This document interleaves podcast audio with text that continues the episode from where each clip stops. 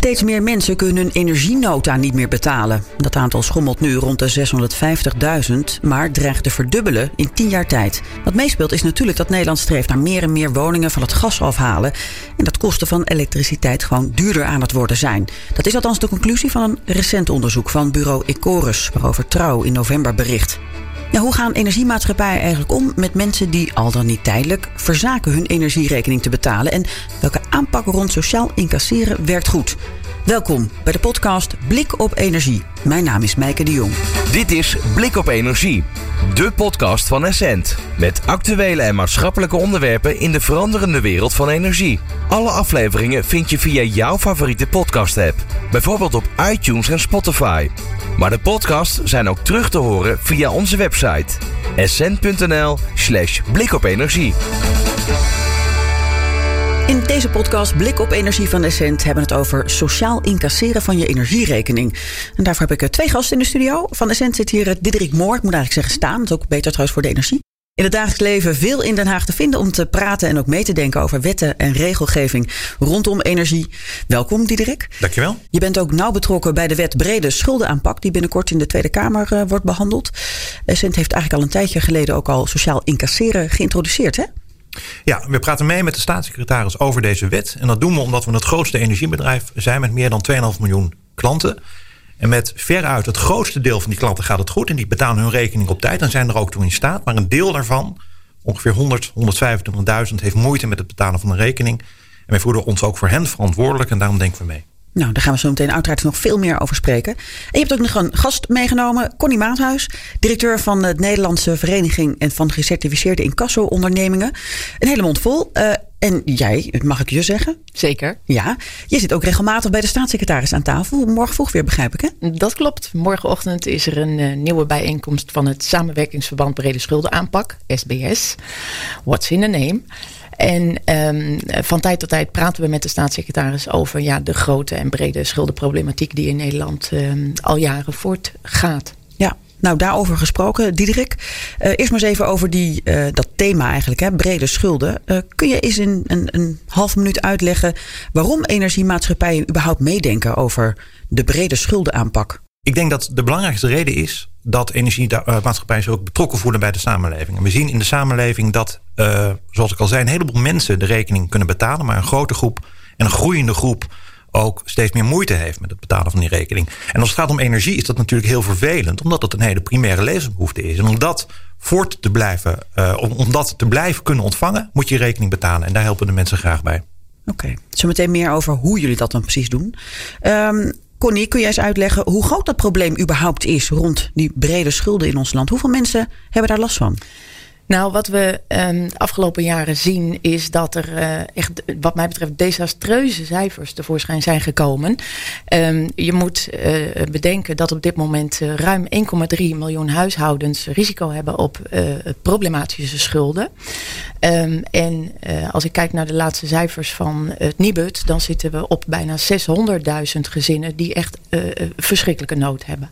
Dan praat je dus over grote en ernstige aantallen. Ja, en eigenlijk als ik hem maar meteen ook wat breder pak. Nu dus 600, 650.000 geloof ik, hè, inderdaad, huishoudens die nu al echt problemen hebben. Maar jij geeft nog een, misschien een alarmerender cijfer. 1,3 miljoen huishoudens waar het risico is. Dat klopt. Ja. Dat klopt. En dat uh, heeft onder andere te maken met uh, ook heel vaak live events.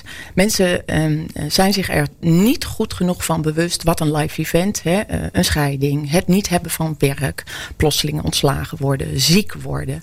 Wat voor impact dat kan hebben op hun financiële huishouding.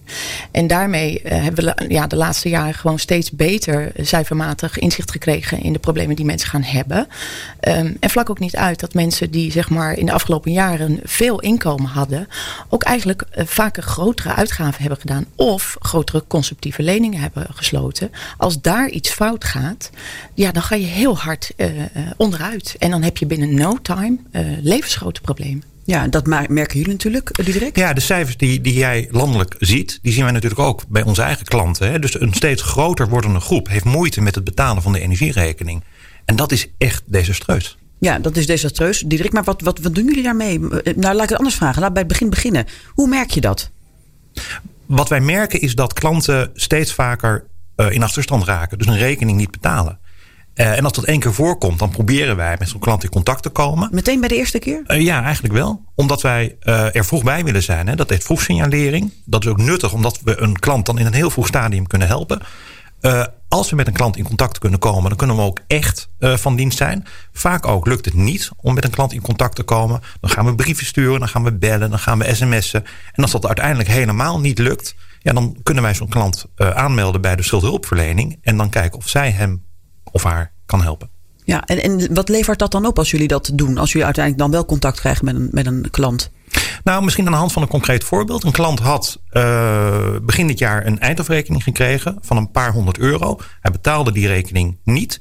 Wij kregen contact met de klant. Het bleek een klant uh, die een uh, Oost-Europese achtergrond had, dus had ook moeite met de taal.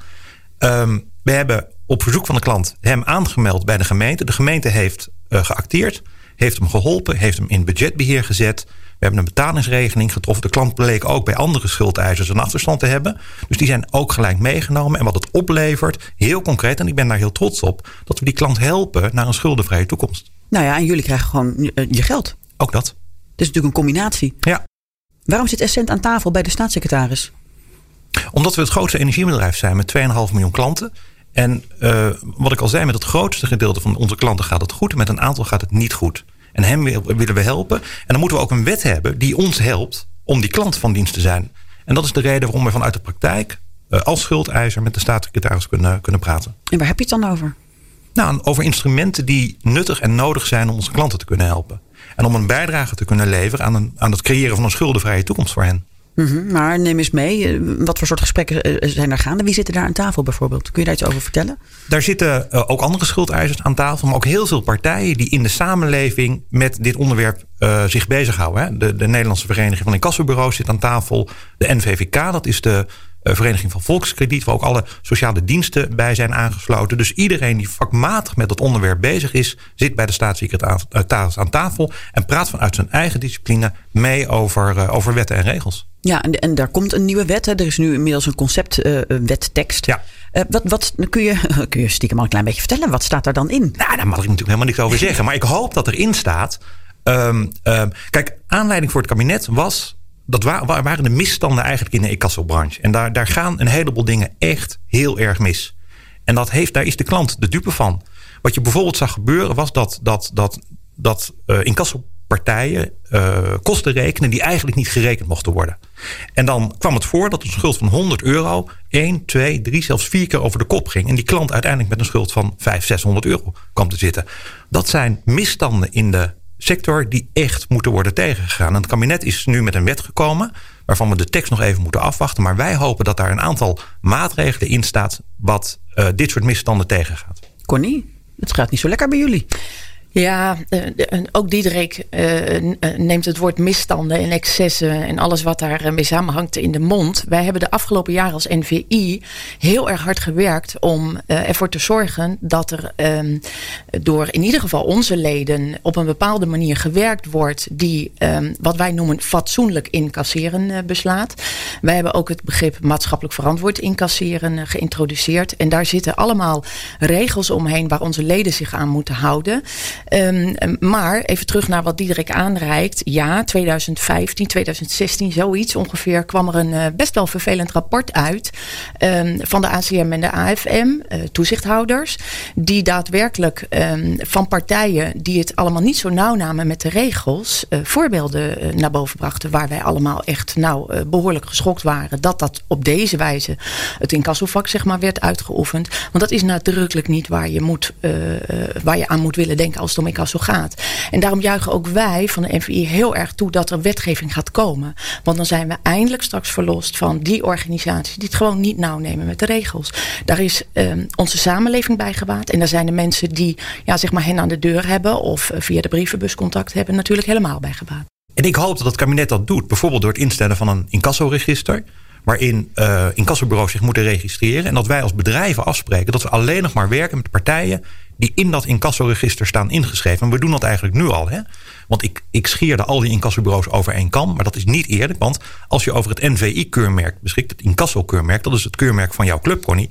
Dan ben je ook gehouden aan een hele strenge set aan regels. Dat klopt. En die set regels, gecombineerd met een gedragscode, gecombineerd met medewerkers die een eet moeten afleggen, gecombineerd met vakbekwaamheid, maakt dat je een set um, tooling hebt aangereikt waar mensen en organisaties ook op worden geaudit.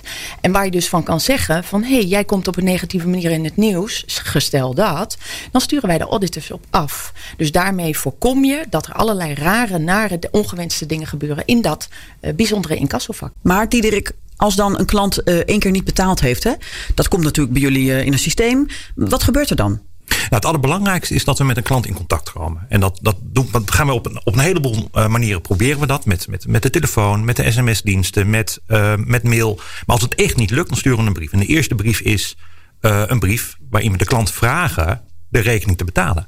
Als dat niet lukt, dan sturen we een eerste aanmaning. Daar rekenen we ook kosten voor. En wat je ziet is dat die, die kosten die we mogen rekenen, enerzijds uh, uh, voor ons als bedrijf ook kosten zijn, of als compensatie zijn voor de kosten die we maken. Maar veel belangrijker is dat die kosten de klant ook stimuleert om de rekening te betalen. En de cijfers die wij daaruit halen, is dat 76% van onze klanten na de eerste herinnering uh, zijn rekening betaalt. En, en, en, die zijn dus schuldenvrij. Ja, en, en over welke kosten gaat het dan? Hoeveel wordt er dan bovenop gelegd? Nou, dat gaat in eerste instantie om 25 euro. Ja, en uiteindelijk werkt dat dus bij twee, ja, twee derde zeg maar, van, ja. van de klanten die dus niet betaald heeft. Ja. ja. ja. Dat is natuurlijk uiteindelijk waar je naartoe wil. Ja. Um, is dat eigenlijk in de loop van de jaren ook veranderd? Zijn jullie als energiemaatschappij ook anders omgegaan met klanten die uh, nou, niet op tijd betalen of heel lang niet betalen? Ja, ja er, is, er is een enorme verandering in de incassopraktijk, ook binnen onze eigen bedrijven. We, we praten op een andere manier met klanten. We passen ons taal ook aan. We werken ook samen met universiteiten en hogescholen om iedere keer de juiste toon te vinden voor de juiste doelgroep. Um, we proberen ook veel meer in contact te komen met die klant op veel, uh, veel meer manieren dan, dan we vroeger deden. En merk je dan ook inderdaad dat uiteindelijk misschien er wel meer klanten niet betalen, maar dat er door jullie nieuwe manier van werken, dat uiteindelijk nog enigszins in, in de perken te houden is? Hoe, ja. hoe, hoe, hoe meten jullie dat? Nou, wat, wat wij, wij meten klanttevredenheid en wij meten ook of klanten inderdaad uh, door, de, door de instrumenten die we aanbieden, de Ideal Link, de betaallink, uh, het keuzemoment voor, voor, je, voor het betalen van je rekening, ook echt in staat zijn om uh, de rekening te betalen. En die cijfers zijn heel positief en dat krijgen we ook terug van onze klanten. Ja. Connie, het is natuurlijk niet alleen maar de energierekening hè, die soms niet nee. betaald wordt. Er is ja. soms meer aan de hand. Um, wordt het erger in Nederland? Zie jij dat ook aan cijfers? Nou, jij zegt wel mooi van uh, uh, soms is er meer aan de hand. Wat we zien is dat als, als, als basale um, uh, facturen, als de huur of je hypotheek of energie of nou ja, noem het maar op. Hè, um, als dat soort kosten niet betaald worden, dan kan je er gevoeglijk van uitgaan dat er veel meer ellende is. Um, en de financiële ellende, in de, uh, ja, ik, ik, ik, noem het maar gewoon ellende, want dat is het. Um, uh, daar daar uh, weten we steeds beter van wat voor impact dat heeft. Dat wat Diederik net zei, van in contact komen met degene om wie het gaat, is op dit moment eigenlijk het meest belangrijke wat we ook vanuit de branche kunnen propageren. Blijf in contact of zorg dat je in contact komt. Maar dat geldt ook voor de personen om wie het gaat. Alleen als je nu kijkt naar wat we de afgelopen, nou, toch behoorlijk aantal jaren inmiddels hebben achterhaald, is welk gedrag mensen vertonen, um, uh, wat hen belemmert in goed functioneren. Bijvoorbeeld ook werk. We zien dat heel veel uitval, dus he, ziekteverzuim, veroorzaakt kan worden door uh, het hebben van grote schulden. Dus de impact, het gaat niet alleen over dat gezin wat bepaalde dingen niet kan betalen. Het gaat over de hele werking van, van degene om wie het gaat naar buiten toe. Als, als al die stress, al die narigheid, als dat allemaal daadwerkelijk meegenomen wordt, dan hebben we dus een, een, een veelvoud aan ook economische uh, uh, schade met elkaar daaruit te, te, te, um, ja, te ervaren uh, en ook te betalen. Ja, even heel concreet dan, hè? want er ligt dus nu een, een, een, een concept wettekst. Er is een wet in de maak. Ja. Wat is er nou exact voor nodig? Wat moet er dus in die wet staan? Willen we die schuldenproblematiek, die bij veel mensen in Nederland een, een steeds groter probleem wordt, en dus het niet betalen van rekeningen meer nou, dagelijkse praktijk aan het worden is, hoe willen we dat tegengaan? Wat is er dan concreet voor nodig? Een paar punten, Connie. Ja, um, ik denk dat we uh, de illusie kwijt moeten raken dat als er een incassowet komt, dat we daarmee de schuldenproblematiek een goede uh, geven. Ja, er worden heus wel, hè, er wordt paal en perk gesteld aan diegenen die het vak niet waard zijn mag ik het zo noemen. De mensen die je niet wil, in dat vakgebied wil hebben. Die ook daadwerkelijk stelselmatig dingen doen voor mensen. Die niet uh, uiteindelijk de betaling ten goede komt. Daar gaat het een, gaat het een einde aan brengen. Maar het gaat niet bijdragen aan dat mensen minder armoede zullen ervaren. Het gaat niet bijdragen aan dat mensen veel eerder zullen um, gaan betalen. Het gaat um, pas goed komen en we gaan de goede kantelingen maken als we het lef hebben om de komende jaren veel meer alle ketenpartners met elkaar op één lijn te zien krijgen. En dat begint bij de schuldeiser en dat eindigt bij de schuldenaar of hè, uh, andersom. Maar in ieder geval, dat zijn de twee uitersten die met elkaar in verbinding moeten worden gebracht met al die partijen die daartussen staan. En meer en meer en meer zullen we de route moeten hebben met elkaar dat we de schuldhulpverlener heel snel in het traject in kunnen zetten. Dat hè, op dat moment, wanneer we zien dat de problemen maximaal zijn, dat gaat veel meer zoden aan de dijk uh, brengen. Ja, ik, ik sluit me daarbij aan. Kijk, het allerbelangrijkste wat het kabinet kan doen, is ervoor te zorgen dat de boeven uit die incassomarkt verdwijnen. En dat is een ongelofelijke winst als we daarin slagen. Zeker. En daarnaast hebben bedrijven als Essent, maar ook al die andere bedrijven die uh, klanten hebben, de verantwoordelijkheid om op een fatsoenlijke manier met die klanten om te gaan. En dat doen wij door goede betaaloplossingen te bieden, door klanten in de gaten te houden in hun betaalgedrag. Door in de vroegst mogelijke, uh, op de vroegst mogelijke momenten uh, te zien of er met die klant iets aan de hand is. Zodat we hem kunnen helpen. En als er dan iets met die klant aan de hand is, dat we hem ook kunnen doorverwijzen. Effectief kunnen doorverwijzen op naar een schuldenvrije toekomst. En dat is een verantwoordelijkheid die wij als Essent heel uh, strikt nemen. Ja, en het is ook een bittere noodzaak. Die ook, ja zeker. Want we zien die groep uh, mensen die moeite hebben met het betalen van facturen, van, van rekeningen, groeien. Nou Connie, maar wat bedoel je dan precies? Jij zegt die keten dat werkt dus nog helemaal niet goed samen met elkaar? Nou, wat je ziet is dat uh, wat we zeg maar 10, 15 jaar geleden uh, allemaal nodig hadden en hadden verzonnen, dan was het heel vaak gebruikelijk dat we de gang vanaf, nou ja, er wordt de rekening niet betaald, dan gaat de zaak naar een incassobureau, de deurwaarde komt eraan te pas, er wordt geprocedeerd en we um, uh, zorgen dat, dat ja, zo heet dat dan, ten uitvoer wordt gelegd, geëxecuteerd. Dus, en dat betekent in geval van Essent, energie, afsluiting. Um, 15 jaar geleden was dat heel gebruikelijk en dat gebeurde meerdere keren per dag, bij wijze van spreken. Sterker nog, grote aantallen. De afgelopen jaren zie je dat dat minder is geworden, omdat we ook de maatschappelijke kosten uh, ervan goed in kaart hebben gekregen. Als je dat nou allemaal opnieuw zou willen uh, voor elkaar zou willen maken, naar die hele keten kijkend, dan zou het een herpositionering waard zijn van alles en iedereen die daarin in werkt. De schuldhulpverlener, het incassobureau, uh, de gerechtsdeurwaarder, überhaupt de overheid als schuldeiser. Daar hebben we het nu nog helemaal niet over gehad. En dat is wat mij betreft nog een, een, een extra aflevering de moeite waard. Want daar zit natuurlijk nog weer heel specifiek het nodige omheen. Maar als we dat allemaal opnieuw zouden mogen neerzetten in een lijn, dan krijgen we een veel vloeiende beweging. Um, waarbij iedereen ook dat kan doen wat hij zou moeten doen. En de schuldhulpverlener voorop. Diederik, kom ik toch nog even bij jou uit. Uh, als je het hebt over het aantal afsluitingen. Hoeveel afsluitingen meer of minder zijn er de afgelopen jaren geweest? Kun je daar nog iets over zeggen? Volgens mij sluiten wij niet af, maar beëindigen wij het contract. En dan blijft de levering nog gewoon een beetje doorlopen. Hè? Want dat mogen we niet, wettelijk niet. Maar ik heb daar geen cijfers van, weet ik nee, niet. Misschien kan ik dat nog aanvullen in die zin. En ik weet niet meer of ik het al heb gezegd. Maar uh, 5 tot 7 procent van de mensen heeft te maken met het afsluiten van de energie. Of het leggen van loonbeslag. Dat komt uit de cijfers van het Nibud van 2018. Ja, ja, ja, dus op zich is dat. Maar dat is wel van alles en nog wat op één hoop. Maar goed, daarmee heb je wel een beetje beeld. Uh, maar niet alles. Ja, Diederik, en vanuit Essent, hè, als je naar die concept wettekst kijkt of überhaupt kijkt naar vanaf nu over vijf jaar, als je nou wilt voorkomen dat meer mensen in die schulden raken, wat is er allemaal voor nodig? Kun je een paar punten noemen? Nou, het belangrijkste is dat het kabinet ervoor zorgt met de wet dat de boeven uit de incassomarkt verdwijnen. Dat is echt in het belang van zowel de klant als voor die bedrijven. En daarnaast is het belangrijk dat bedrijven als Essent hun verantwoordelijkheid nemen en met die klant in contact komen het zo vroeg mogelijk, want dat is ook belangrijk voor de klant, dat we uh, oplossingen bieden die ook uh, stimuleren uh, om te betalen. En dat we onze verantwoordelijkheid nemen ten aanzien van, van deze groep. Het zal nog een, een hoop uitdagingen opleveren, denk ik. Want het probleem is een, een zeer relevant en heel actueel probleem. Dank voor jullie oplossingen en ideeën hier in de studio bij Blik op Energie van Essent. Diederik Moor en Connie Maathuis, dankjewel. Leuk dat je luisterde naar Blik op Energie. De podcast van Essent met actuele en maatschappelijke onderwerpen in de veranderende wereld van energie. Alle afleveringen vind je via jouw favoriete podcast-app, bijvoorbeeld op iTunes en Spotify. Maar de podcasts zijn ook terug te horen via onze website essent.nl/slash blikopenergie.